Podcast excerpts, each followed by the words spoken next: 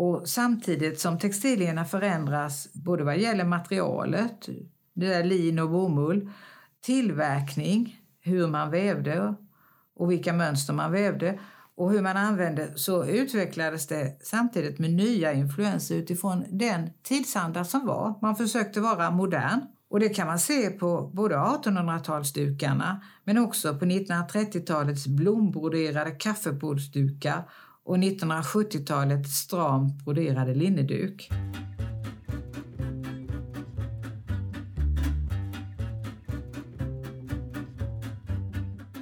Din podd på jorden är Kulturparken Smålands podcast om Kronoberg. Här pratar vi om stort som smått inom länets kulturhistoria, från forntid till nutid. Hej och välkomna till Kulturparken Smålands podcast. Nu har vi blivit med namn och vi tänker oss fortsättningsvis kalla oss Din podd på jorden. Jag som är programledare heter Petter Eriksson. Dagens avsnitt görs med anledning av en nyutkommen bok som har titeln Vävt och broderat under två sekler, kvinnokraft och kvinnokultur och dagens gäst är författaren till boken Kerstin Gynnestedt. Hej Kerstin och välkommen hit till museet och podden. Tack så mycket. Kerstin är filosofie doktor i statsvetenskap och docent i socialt arbete och du har huvudsakligen varit verksam vid Linnéuniversitetet i Växjö. Ja. Och eh, numera så är det din forskning och skrivande inriktat på lokal och kultur och kvinnohistoria. För ett par år sedan så kom du ut med boken om Ingeborg Lundin, en glaskonstnär, en av våra mest kända och tidiga pionjärer. Din bok Vävt och broderat under två sekler utgår från en textilsamling som har givits namnet Hagelsmo-samlingen. Namnet kommer efter din släktgård där flera generationer kvinnor har varit verksamma. Den äldsta av kvinnorna är född 1822 och du berättar sedan om linnetyger och broderier som tillverkas på gården fram till ungefär 1960-talet. Du följer sedan via bouppteckningar hur linnetyger ärvs och samlingen av brukstextilier växer och i vissa fall krymper. Boken blir på det sättet både en beskrivning av textilier i ett småländskt bondhem under 1800-talet och 1900-talet, men det är också en inblick i hur mode och trender och gårdens arbete förändras under den här perioden. Jag tänkte först bara, den här gården Hagelsmo, om vi geografiskt ska placera den i Småland? Den ligger öster om Växjö i Furuby socken. Det är ett par mil öster om Växjö ja, kan man säga. Det. Ja, så är det. Och om vi tar det från början då, hur startade projektet och hur blev det här en bok? Jo, det blev en bok genom att jag har ärvt en textilsamling och den fanns ju hos mamma när jag var barn. Jag såg den men hade väl inte så stort intresse av den. Men så småningom hamnade den ju hos mig. Och i samband med att vi var tvungna att flytta från hus till lägenhet så var ju, behövde jag ju se över vad det var för textilier jag hade. Ja. Och då fick jag hjälp av eh, en vävexpert här i Växjö som heter Alfred Niklasson som hjälpte mig att inventera och se efter vad det var jag hade. Och eh, hon bedömde den som intressant och både vad gäller antal saker men också vad det var för textilier. Och eh, hon tillsammans med en del andra uppmuntrade mig till att skriva en bok om textilierna och om de kvinnor som hade gjort den. Och det var skälet till att jag skrev den här boken. Har du haft några andra skäl som du också tycker har varit intressanta att, att bygga boken kring? Ja, jag började ju se efter vad fanns skrivet om, om linne här i textilier i Småland och det finns från den här delen av Småland nästan ingenting skrivet utom just kring dräktmode och den som kom häromåret om, från Dräktrådet, Ståten och Nyttan. Så det har ju också varit en inspiration till det. Det finns böcker om textilier i några skånska och blekingska hem, men ingenting från Småland. Och sen tyckte jag också att eh, det var intressant med att den här textilsamlingen har gjorts av ett antal kvinnor i min släkt och det finns inte heller mycket skrivet om kvinnor och att man utifrån textilierna kan spåra vad så kvinnorna har gjort och hur hemmets textilier har förändrats under seklerna. Vi kan väl också säga det att du kommer berätta eh, ur ett visst perspektiv i, i den här podden här på museet men du också kommer gästa Kronobergspodden på, som Växjö stadsbibliotek gör. Ja, här blir det textilperspektivet ja. och i Kronobergspodden blir det ett kvinnoperspektiv. Så idag talar vi textilier. Vilka är de här personerna som som du skriver om? Ja, jag kommer inte just nu närmare gå in på personerna men jag kan ju säga att det, kommer, det är textilier som kommer från tio kvinnor under två sekler och alla är släkt med varandra. Det är mödrar och döttrar och systrar i flera generationer. Och så finns det en farmor, en faster också. Och alla har anknytning till släktgården Hagelsmo. Eh, den tidsperiod som det här handlar om är i stort sett från mitten av 1800-talet till 1970. Och, och, precis som Peter sa så det är den äldsta kvinnan eh, vars textilier finns i boken född 1822 och den yngsta född 1914. Och textilierna sträcker sig fram till ungefär 1970. Men sen blir det ju också så att i bokens slutkapitel där jag diskuterar om böcker och, och kvinnor och kvinnors arbete så förs ju diskussionen fram till dags datum så därför blir det i stort sett 200 år istället. Just det. De här kvinnorna har ju i stort sett rört sig inom gården och hemmets väggar och ansvarat för hem, hushåll och barn. De skötte husdjuren, det hörde till, och arbetade på åker och äng samtidigt som de skulle ansvara för att det man bärgade under sommarhalvåret skulle räcka till för att livnära gårdens människor och djur under kommande vinter. Men eh, man kan också säga att i bondesamhället var det fram till i varje fall mitten av 1800-talet så att vården och produktionen av gårdens och familjens textilier det var nödvändigt för alla och det var det specifikt kvinnliga kunskapsområdet. De här bondkvinnorna såg inte textilierna som folkkonst som man skulle bevara för framtiden.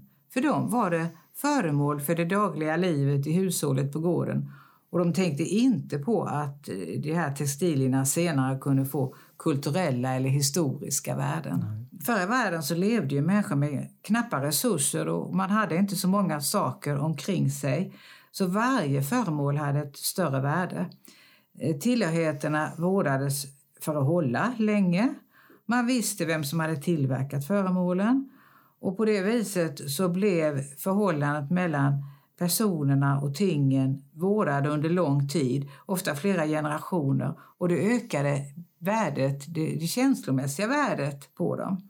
Ett lakan eller en duk var inte bara praktiska och vackra. Det var också ett utslag av tradition, arv, minnen och tid. Och man kunde se äldre generationers möda och arbete men också glädje och kunskap av att ha gjort det. Och det är väl så vi förhoppningsvis möter de här tingen i, idag också för det, mycket av de här textilierna finns ju i våra hem i, mm. idag. Absolut. En del i alla fall finns kvar. Man kan ju också ha dem för att jämföra hur såg hemutredning ut förr? Hur ser den ut idag? Vad har hänt under tiden? Är det, tycker man det är bara en förändring eller kan man se det som en utveckling också?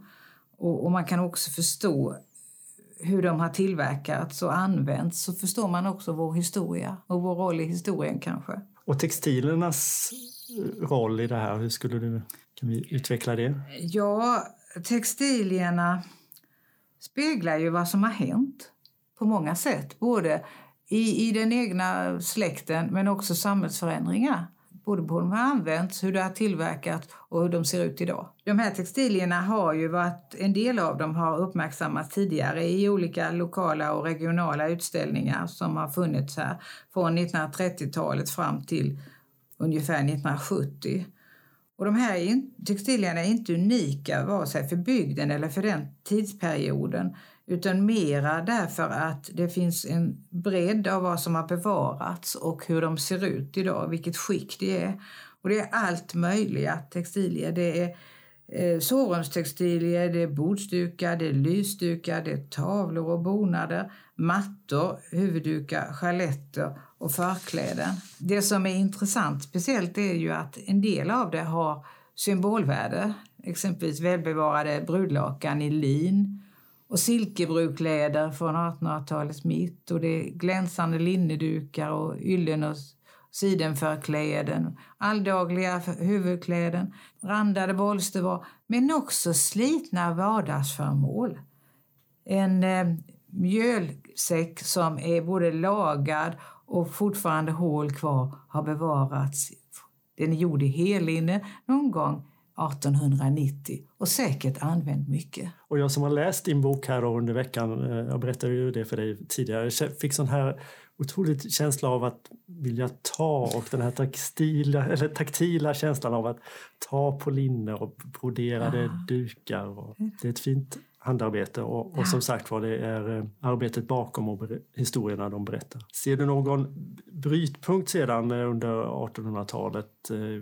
Vad, vad, vad händer i textiliernas roll där? Det hände jättemycket under den tiden. Om man tar i seklets början så fanns det inte mycket textilier i vanliga hem. Det var sängutrustning och förstås kläderna man använde. Men därutöver väldigt lite. Och under 1800-talet så hände ju en allmänt väldigt mycket på landsbygden. Välståndet ökade, Eh, det var en hel del jordreformer och det medförde att byarna sprängdes och det blev nybyggnation utav mm, mangårdsbyggnader som eh, gjorde att det blev annorlunda hus än vad det varit tidigare. Eh, tillgången på lin ökade och så kom bomullen och kvinnorna fick möjlighet att tillverka textilier för hemmet. Och på den här tiden så var ju husmodern tvungen att väva och brodera hushållets alla textilier med början till en början med av hemväxt lin och ull från gårdens får. Och efterhand så kom ju nymodigheterna och det blev fint med köpebomullsgarn. Under 1900-talet fanns det allt mer eh, utav det som tidigare tillverkats hemma att köpa. Det fanns ju lakansväv och handduksväv och dukar och konfektionssydda kläder. Och då krävdes inte varken tiden eller kunskapen som det hade gjort tidigare för att tillverka det hemma. Men ändå var det ju så att i många hem upphörde inte vävningen av lakan och dukan och annan hemutrustning trots att man kunde köpa det färdigt. Ehm, och ett sätt att se på hur bruket av textilier på en bondgård förändrats genom århundradena är att granska bouppteckningarna. Under 1800-talets eh, första del och början, senaste del och första delen av 1900-talet så var det väsentligt ur arvssynpunkt. Eh, förteckningen av den avlidnas tillhörighet för hemmen och gården var noggrant specificerade och värderade. På senare år har bouppteckningarna blivit allt mer summariska. Och jag har gått igenom alla bouppteckningar för Hagelsmosläktens kvinnor, också för några av männen. För att se hur man i dessa tar upp lin och textilier och hur det förändrats över tid och mellan generationerna.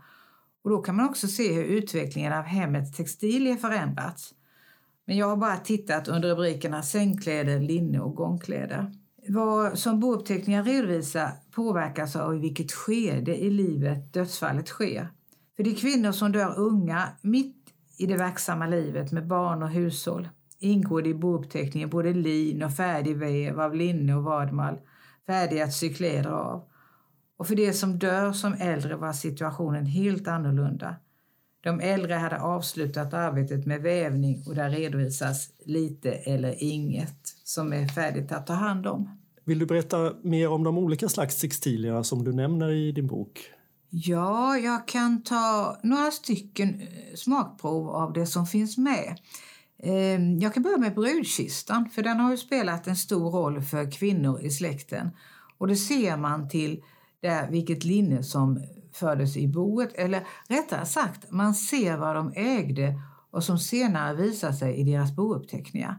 Vad själva brudkistan innehöll från början finns aldrig några förteckningar om. Till en brudstyrsel hörde framförallt dukar, lakan, örngott och handdukar med monogram på den ogifta bruden, eventuellt med monogram på de båda parterna på brudlakanen. Seden att märka alla textilier var både en dekoration och en praktisk åtgärd för att hålla reda på att inget linne försvann i de stora tvättar som skedde höst och vår. På 1700-talet var märkningen liten och obetydlig till formatet, ofta korsstygn. På 1870 och 1880-talet var det modernt med stora praktfulla monogram, ofta placerade på snedden i hörnet av duken eller servetten. Och det ser man i boken på några exempel också. Traditionellt var sänglinne och dukar broderade med platser med vitt medan kökslinnet hade röda monogram. Och på så sätt så blev monogrammen både ett sätt för oss idag att få en tidstillhörighet och en tillhörighetsmarkör. Vi ser vem som ägt och vem, när det broderats. utifrån hur det ser ut. Och eh, det som är intressant är också när man ser brudlakan som är från 1847 i hellinne med hålsöm att allt är handsytt och handfållat och smalt och idag tunt som silke. Eh, vita linnedukar och brutna servetter var inte vardagsutrustning på bondgårdarna varken på 1800-talet eller större delen av 1900-talet.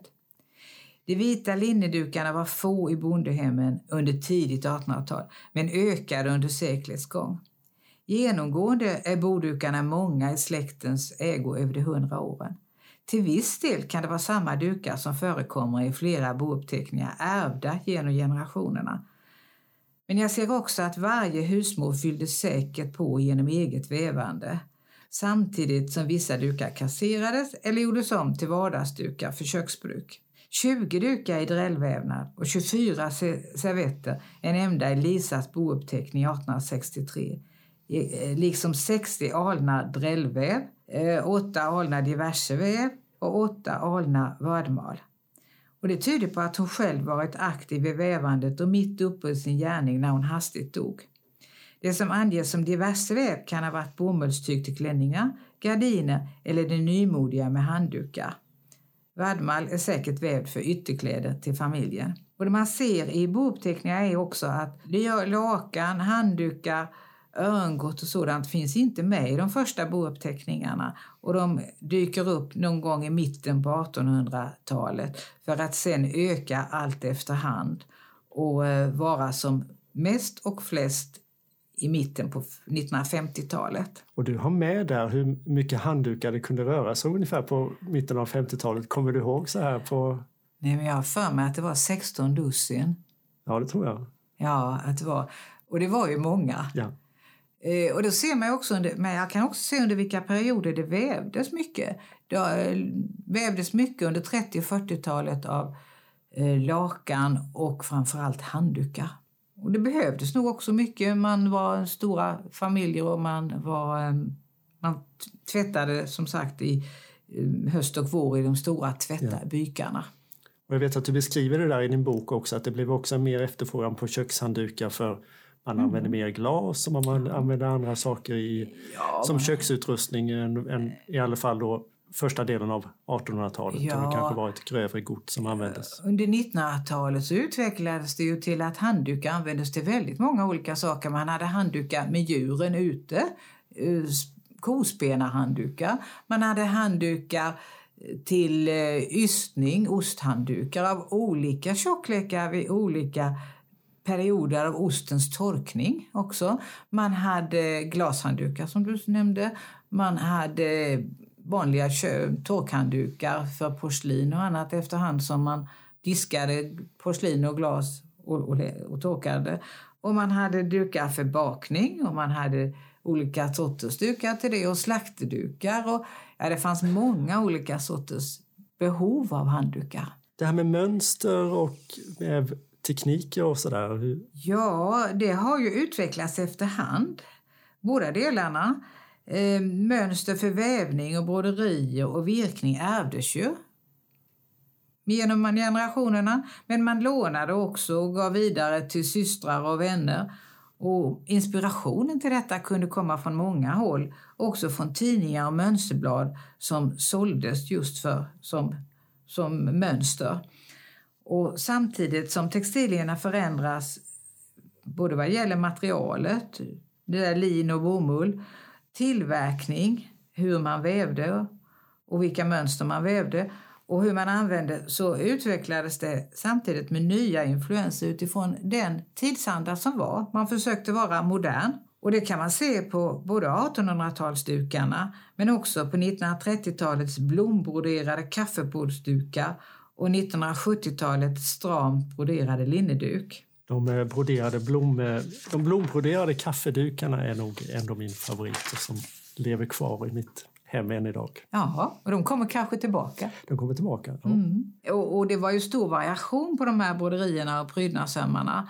Både vad gällde hur man tillverkade dem under olika tidsperioder och av olika kvinnor och för olika ändamål. Att dukar inte bara var just dukar utan också kunde ha en större social betydelse ser jag utifrån tre mindre dukar som tillverkats av en av kvinnorna och hennes döttrar.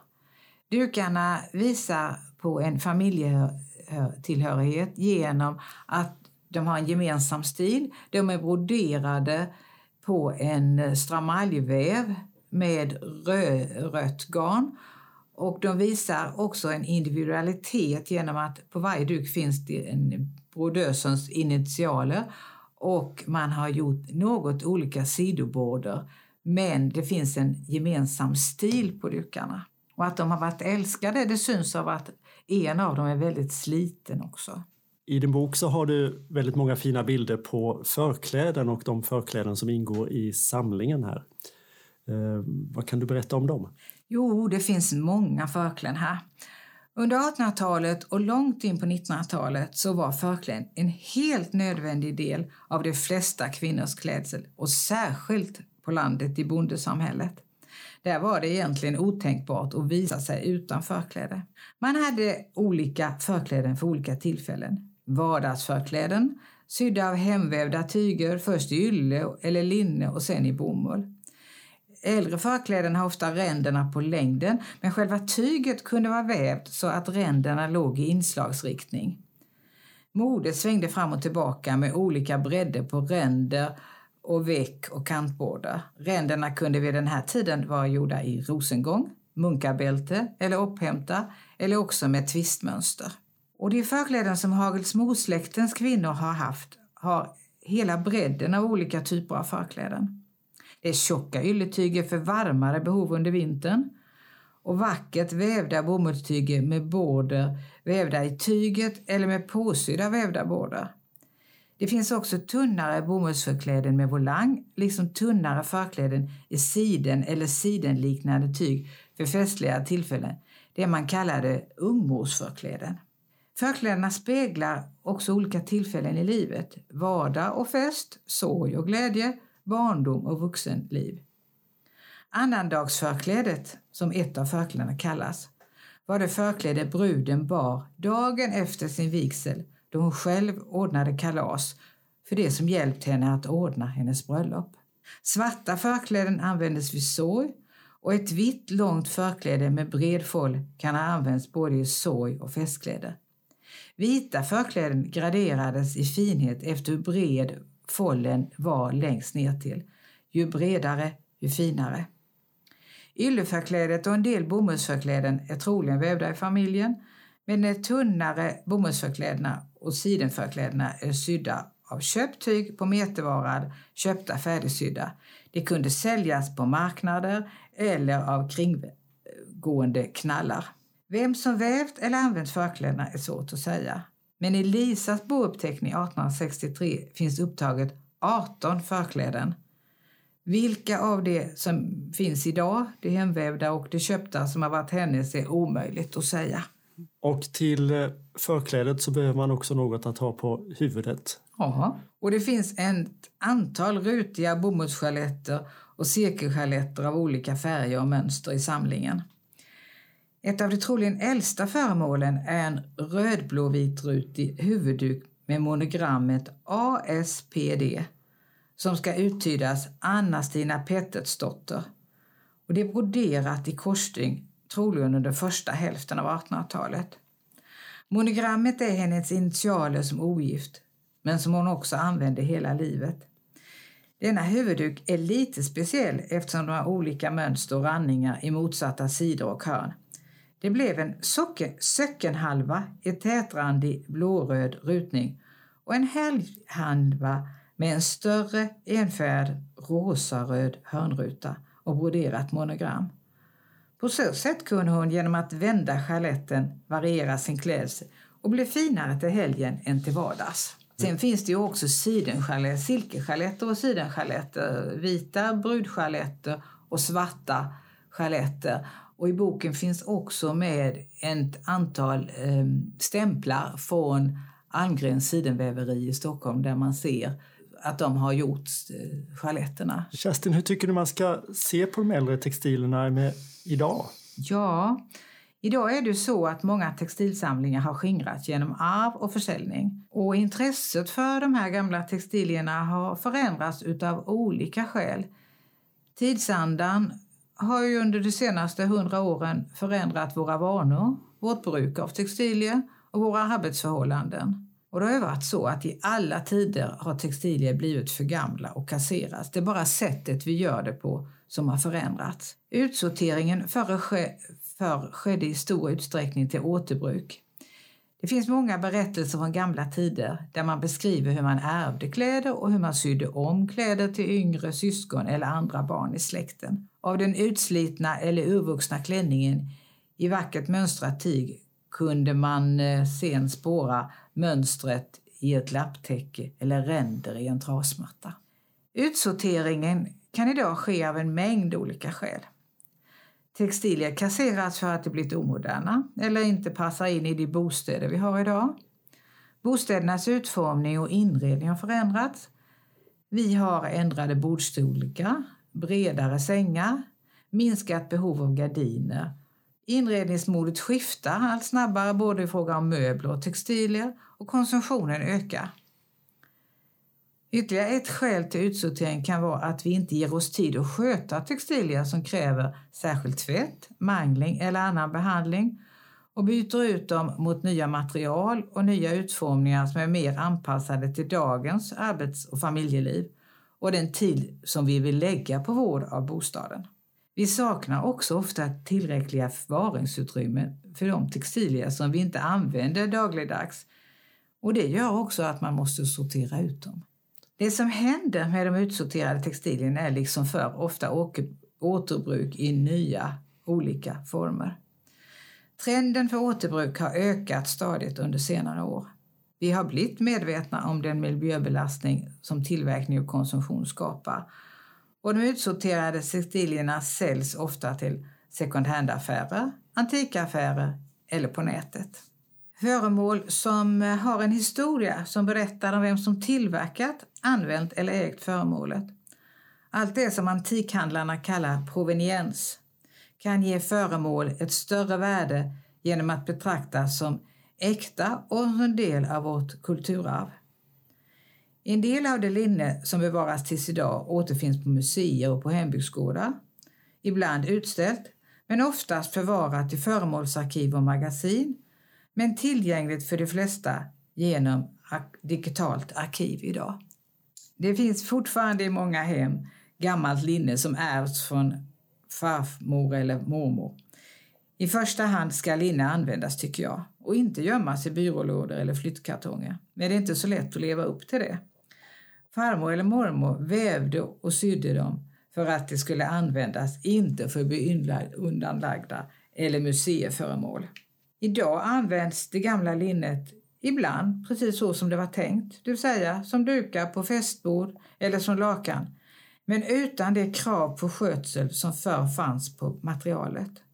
Linnet manglas inte utan duken och lakanet får vara skrynkliga efter tvätten och det blir en del av materialets skönhet. Ingen skaffar sig linne idag som en ekonomisk investering eller som bevis på familjens goda ekonomiska ställning. Däremot kan linne vara en kulturell investering för den som njuter av vackert glänsande linne, antingen som sänglinne eller bordslinne. Det sades på 1800-talet om den svenska slöjden att den kännetecknades av ändamålsenlighet, varaktighet och prydlighet. Och det kan man tolka idag som nyttigt, välgjort och vackert. Och med den blicken så kan man ju granska gamla textilier också idag. Man brukar säga om linne att väl förvarat är väl bevarat. Och jag hoppas efter den här boken att väl dokumenterat också är väl bevarat. Stort tack till Kerstin Gynnestedt som har gästat oss idag för att berätta om sin bok Vävt och broderat under två sekler. Och jag hoppas att vi får höra mer av dig under hösten Kerstin, men vi får väl återkomma till det. Men du har ju fler ämnen som du har djupdykt i. Och vill man gå vidare så kan man naturligtvis läsa Kerstins bok. Det finns en eh, utställning som nyligen har öppnat på, eh, på här på Smålands museum som heter eh, Kryss och handlar om korsstygn. så blir man ju lite sugen på att mangla och eh, gå hem och titta vad som är i det där linneskåpet. Jo, men boken kan ju fungera som en inspiration för alla att se efter vad man har och vad man kan använda av det. Tack för idag. Hej!